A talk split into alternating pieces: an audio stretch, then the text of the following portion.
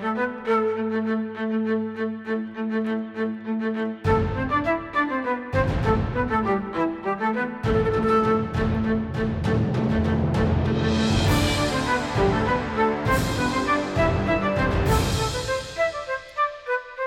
och välkomna! Det här är Ett skepp kommer lastat, en podcast från Piratpartiet. I den här podcasten tänkte vi prata lite om samhälle och teknikutveckling, aktuella nyheter utifrån ett piratperspektiv. Idag har vi ämnen på agendan. Vi ska prata om huruvida man kan ha upphovsrätt till API-er och vad som händer ifall Amazon köper Canonical. Jag heter Mattias Rubensson, jag är partisekreterare för Piratpartiet. Och jag heter Henrik Passmark, jag är vice partiledare för Piratpartiet. Men om vi börjar med den här API-fenomenet. Mm. Då är det ju så att för ett antal år sedan, alltså det här har hållit på länge, jag undrar om inte, kanske 2015 eller något sånt, Eh, så stämde Oracle då Google för upphovsrättsintrång. Och vad man menar är att Google, genom att ha utvecklat Android och i Android har implementerat API från Java, har inkräktat på Oracles upphovsrätt. Oracle har ju då utvecklat Java och äger då upphovsrätten till Java. Och Oracle menar då att de även äger upphovsrätten till Javas API. Det här har då tragglat genom amerikanska domstolar i massa år och det ska nog komma upp i högsta domstolen i år verkar det som. Jag vet inte, kan du förklara vad ett API är på ett lättförståeligt sätt? Inte egentligen, men jag kan göra ett försök. Om jag inte minns helt fel så står det väl för typ Application Protocol Interface eller något sånt. Mm. Och så som jag tolka, har tolkat vad ett API är, från att ha fått det berättat för mig av någon som är mjukvaruutvecklare, vilket jag själv absolut inte är, så är det alltså ett sätt att för olika liksom system eller databaser och sånt att prata med varandra. Mer specifikt så här att på en given signal via ett API ska kunna förvänta dig ett givet svar. Ja, det är, det är lite en, en kod för att prata med ett visst program. Precis. Så det är ju, alltså, det, det, har ju interface i namnet, så det handlar egentligen om att få program att prata med varandra som jag har förstått det.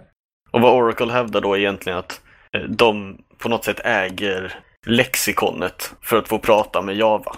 Så ingen får prata med Java utan deras tillåtelse. Precis.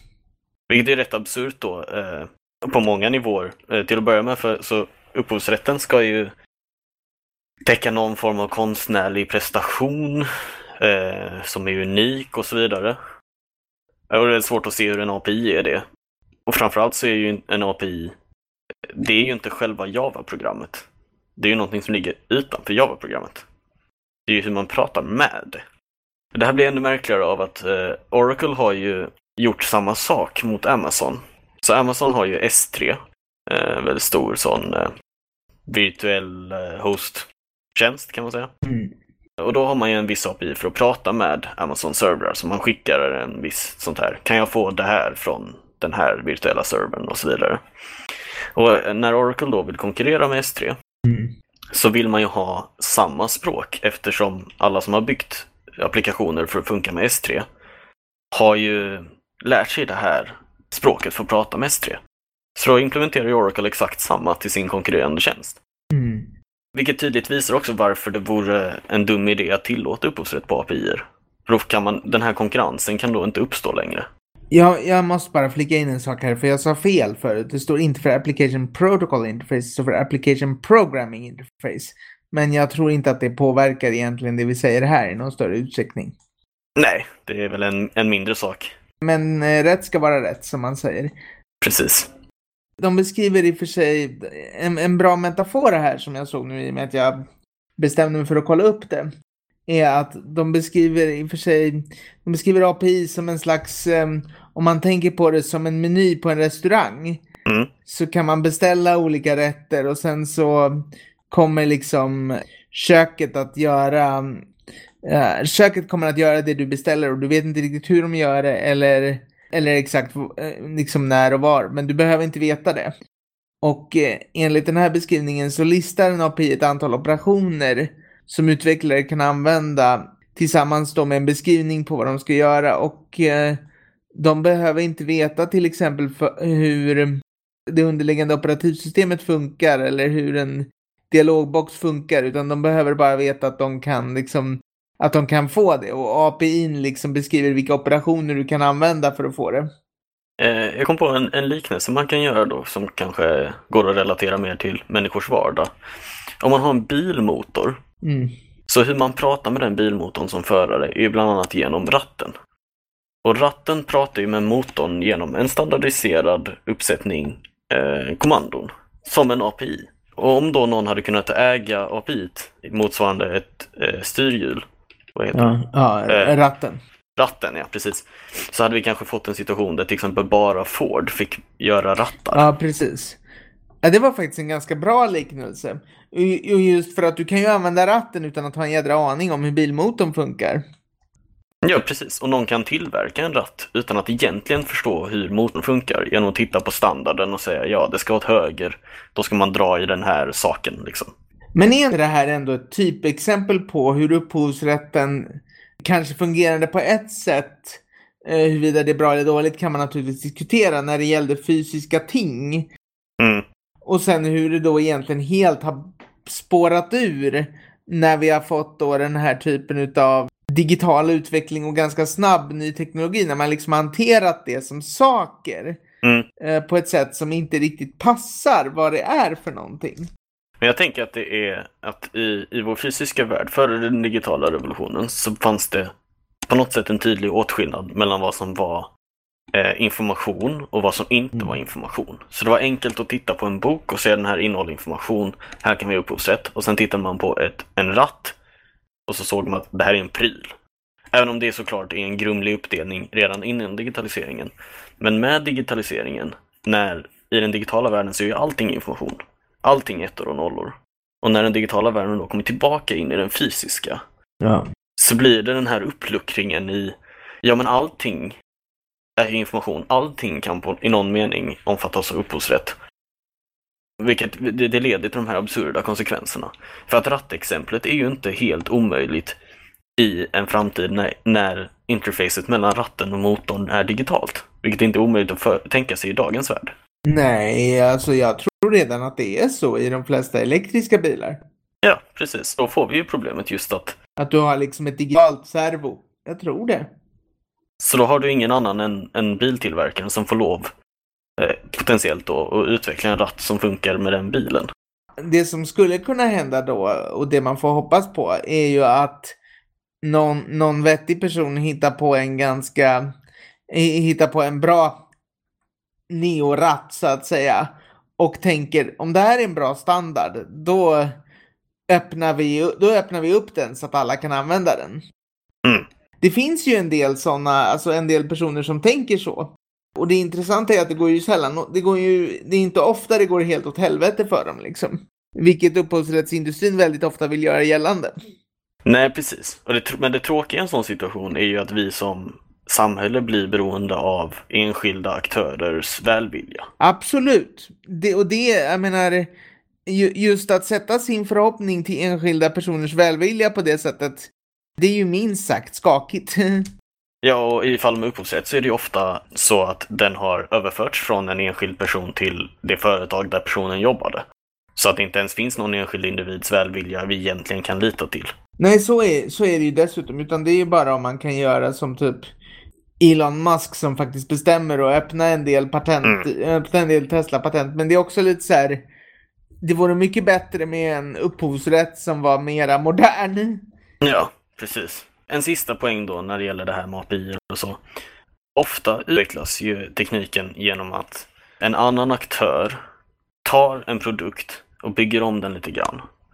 Så om man tar eh, en sån sak som eh, SMB-protokollet som då användes för att flytta filer över nätverk. Vi- vi- Vilken, vilket protokoll menar du? SMB. SMB? Det är Ja. inte för länge sedan. Det används fortfarande fast det heter SIFS numera. Ja, okej. Men det är inte original SMB. SIFS är byggt på något annat, tror jag. Ja, det är det nog. För att eh, grejen med SMB, om jag minns rätt, var att det kunde bara användas mellan Windows-datorer. För det var Microsoft standard och de höll den sluten. Ja. Och sen var det någon då som eh, reverse engineered hur SMB funkar. Så att han utvecklade ett nytt protokoll som då hette Samba. Eh, som kunde prata med Windows-datorer eftersom han listat ut hur SMB pratade. Men också med Mac-datorer och med andra datorer. Och då, därför blev då Samba standard för att prata över eh, nätverk. Jag kan ha fel på någon detalj här men den generella storyn är, stämmer i alla fall. Och det här berod, kunde ju han göra därför att det inte var olagligt att implementera API för SMB. Han fick lov att prata med SMB så länge han lyckades lista ut hur SMB funkade. Mm. Och det är ju så mycket innovation, innovation går till tekniskt.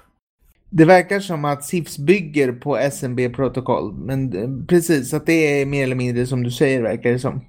Mm. Problemet med det här känner jag, alltså förutom då eftersom det här, det här blir så aktuellt i tvärsnittet teknik och juridik va? Mm. Är ju att åtminstone som jag hörde då om en av de initiala förhandlingarna i den här processen mellan Google och Amazon. Nej, Google och Oracle, förlåt mig. Eh, så hade vi alltså en situation där två ingenjörer står och argumenterar fram och tillbaka. Medan de åhörande juristerna inte hade särskilt bra koll på vad det var de faktiskt pratade om. Mm. För vi har ju liksom, upplever jag fortfarande i juridikkåren och kanske, alltså om man ska vara riktigt krass, utanför de grupperingar som antingen håller på med det som yrke eller som är specialintresserade. En ganska dålig förståelse för eh, vad digitaliseringen innebär och liksom vad, vad den får för konsekvenser när den möter juridiken. Och, och just att det, det, är två det är processer som, som funkar ganska olika. Jag upplever att vi saknar korrekta metaforer.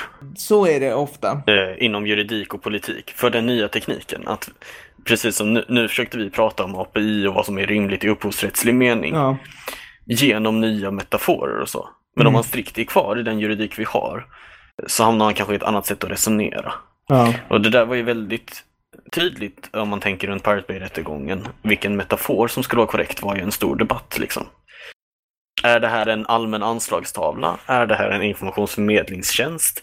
Hur ska vi förstå en torrent tracker Mm. och hela det paketet? avgör ju hur vi hanterar objekten juridiskt. Ja, jag kan tycka, alltså, vi har ju inom många områden i den här Sverige, även om det kanske inte är just på immaterialrättsområdet, men eh, tack och lov så finns det ju ett, eh, ett eh, li, åtminstone litet och förhoppningsvis växande antal jurister som faktiskt är lite mer intresserade av, förstå, av att förstå det här och som är också lite mer intresserade av de värden som kan genereras av en av vad man skulle kunna kalla för en digital öppenhet.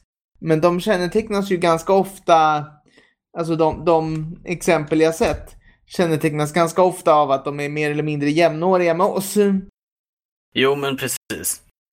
Vi är väl båda två i 30-årsåldern kan man väl fylla i då när man ändå har nämnt det. Ja, det var generöst. Jag har en bit kvar till 30-årsåldern. Du kanske har en bit kvar och jag är en bit över så då, jäm, då jämnar det ut sig. On average ja. så är vi i 30-årsåldern. Precis. Eh, jo, men precis. Så det, juridiken och politiken har ju en viss lagg. Mm. Eh, men jag börjar känna att nu har den laggen varit väldigt lång. Ja, den laggen har ju liksom ett värde i att den kan hjälpa till att garantera en viss stabilitet. Eh, Men precis som du säger, den har varit lite väl lång nu och det börjar bli lite tröttsamt ibland faktiskt. Ja. Ska vi gå till nästa ämne? Ja, det tror jag. Du hade hört något rykte om att Amazon kanske kommer köpa Canonical. Kan du utveckla det? Det här är ett ganska långsökt rykte, men min källa då till det här protoryktet får man väl kalla det. Det är en spekulation från en herre som heter Gartner, men jag kommer inte ihåg vad han heter i, i efternamn. Han driver en kanal som heter The Linux Gamer. Och han menade då i samband med att Ubuntu lanserade Ubuntu Pro för Amazons virtuella servrar på um, Amazon Web Services så började han spekulera i att det var känt att Canonical letade efter en köpare och han funderade på om det eventuellt skulle kunna vara Amazon. Eh, varför trodde han just eh, Amazon? Dels därför att eh, eh, du hade ju det här, eh, alltså att du har då Ubuntu Pro som är exklusivt för Amazons eh, servrar. Mm. Och sen också för att du hade ju det här debaclet med Ubuntu om du känner till det. Vilket?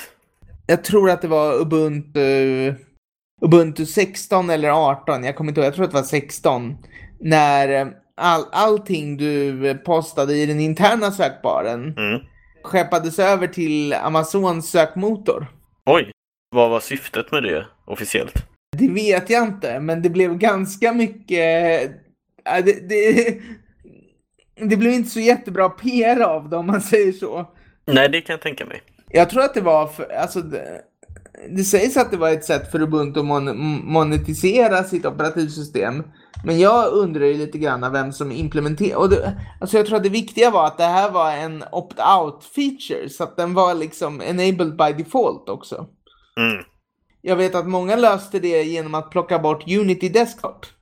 Så det här var ju innan de pensionerade Unity eh, till slut liksom. Ja. Eh, men det var, ju, det var ju inte jättesmart. Nej, det låter som en väldigt, väldigt dålig idé. Okej, så de har haft någon slags samröre med Amazon tidigare och så. Det, har- det, har fun, det har funnits lite kopplingar. Mm. Så att man tänker sig väl att om nu, eh, jag vet inte om, om Mark Shuttler fortfarande äger stora delar av Canonical, men om han nu är intresserad av att sälja så tänker man sig att det skulle kunna vara Amazon. Mm. Ja, ja. Varför skulle Amazon vilja köpa det? Det är en mycket bättre fråga, men jag tänker att om, om du tittar på om du tittar på hela liksom eh, fan-cocktailen så att säga, Mm. Så är det egentligen bara Amazon och Facebook som inte kontrollerar ett, ett eg- var sitt eget operativsystem. Ja, ja, för Google har Android och Microsoft har Windows, tänker du? Och så har Apple då iOS och... Ja, Google har även Chrome OS egentligen. Ja, det är väl en fork av Linux, eller? Det är en Linux-fork, men de kontrollerar ju ganska mycket den forken. Ja, ja. Mm. Och sen har ju Google Fuchsia också, men det har inte blivit något av än. Nej, det är väl mest, nästan mest rykte än så länge. Ja, det finns ju, men det är ju högst experimentellt. Men strunt Ja. samma egentligen. Annars har du ju liksom, Apple har ju sitt eget och och Microsoft har sitt eget. Men Amazon Mm. och Facebook har inget. Och framförallt Amazon skulle ju kunna vara intresserade av det eftersom de säljer hårdvara. Ja, ja. Eh, Det är inte Gartner som tänker så, det är jag som spekulerar. Men Mm. Det är liksom med sikte på eh, Alexa då, eller? Ja, inte bara tänker jag. De har ju sina plattor eh, också. Just det. Ja.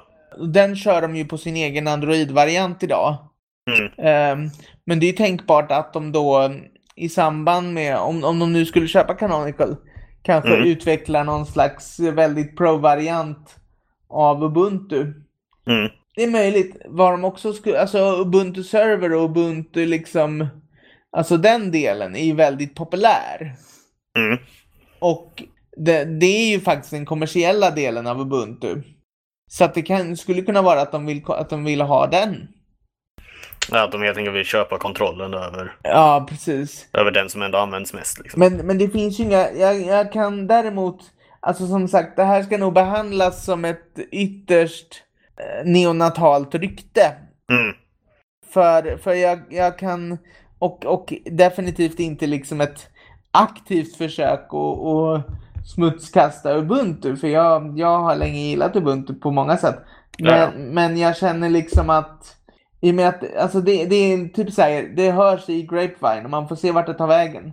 Mm. Jag, tror, jag tror att det skulle vara ett ganska kontroversiellt beslut om det nu blev så. Ja, det har väl varit... För det närmsta vi har nyligen det är ju då att IBM köpte upp Red Hat. Ja. Eh, och det var väl ändå hyfsat kontroversiellt. Det var hyfsat kontroversiellt men jag tror inte det blev jättestort ramaskri om det. Nej. Nej, för Red Hat har ju alltid haft liksom den kommersiella framtoningen och de som använder Red Hat OS är väl redan rätt glada i IBM, så att säga. Ja, och, och jag, jag tror väl om man, om man ska vara helt ärlig så betraktar man nog IBM som ett ganska mossigt företag. Ja, man är inte så rädda för dem. Nej, de har ju visserligen Watson, men, men liksom det känns som att de, de har jobbat, det känns som att de har jobbat mer med informationsprocessning och IT-drift Mm. än, än just den här riktigt, riktigt rena övervakningskapitalismen. Ja, eh, precis. IBM, de tillhör den gamla skolan och de var ju Ja. farliga på den tiden eh, när de försökte styra vilka program man kunde köra på deras datorer. Mm. Visst var det så att IBM hade ett eh, konkurrensrättsligt problem med amerikanska justitiedepartementet ett tag. Eh, så att justitiedepartementet hotade med att utreda dem eh, för monopolsituation. Eftersom, jag har för mig det var så här i alla fall, att IBM då kunde kontrollera vilka operativsystem som kunde köra på IBMs datorer och då var det IBMs egna. Och det var på grund av det här som de öppnade så att Microsoft kunde göra Windows. Någonting åt det här hållet. Det är i alla fall väldigt länge sedan som IBM var farligt.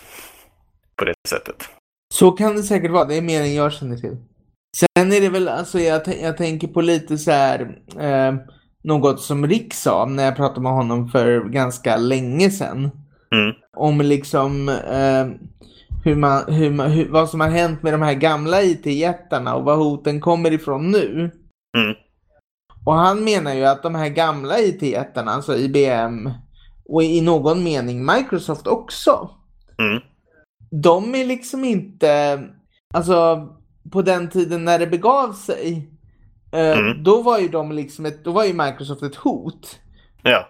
Men idag är de ganska, alltså det är ganska mycket ett liksom, alltså det är ju fortfarande så att Windows 10 är ju liksom the spyware OS på något sätt. Oh ja. Men det är ändå så att Microsoft är ganska så här, nej. Ja, eh, alltså Microsoft har ju fortfarande sina problem. Dels så har vi då övervakningen i Windows 10 som ju ändå kan vara ganska påträngande. Också Office 365 och hela det paketet. Ja. Men man upplever kanske inte dem som lika hotfulla som de nya aktörerna. Det tror jag du har rätt i. Sen tror jag väl det är så här, Microsoft gör det de alltid har gjort. Mm. Omvärlden har blivit betydligt mycket värre. Ja, jo, precis. Medan Microsoft faktiskt inte har flyttat på sig så jävla mycket. Sen är ju frågan som jag själv tänker på. Alltså, det är klart, Microsoft skulle kunna göra enorm skada i Linux Foundation just nu om de ville det. Oh ja. Hittills har de väl kanske inte gjort det än, mer än vad andra aktörer har gjort, men, men man får väl se. Precis. Det var allt vi hade att bjuda på den här gången. Nästa podd ska vi bland annat prata om samtyckes pop-ups och hur många hemsidor som egentligen faktiskt bryter mot GDPR.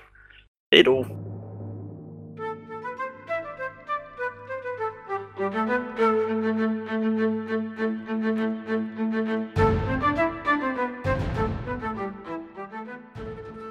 Ehm, mer än vad andra aktörer har gjort, men, men man får väl se. Precis.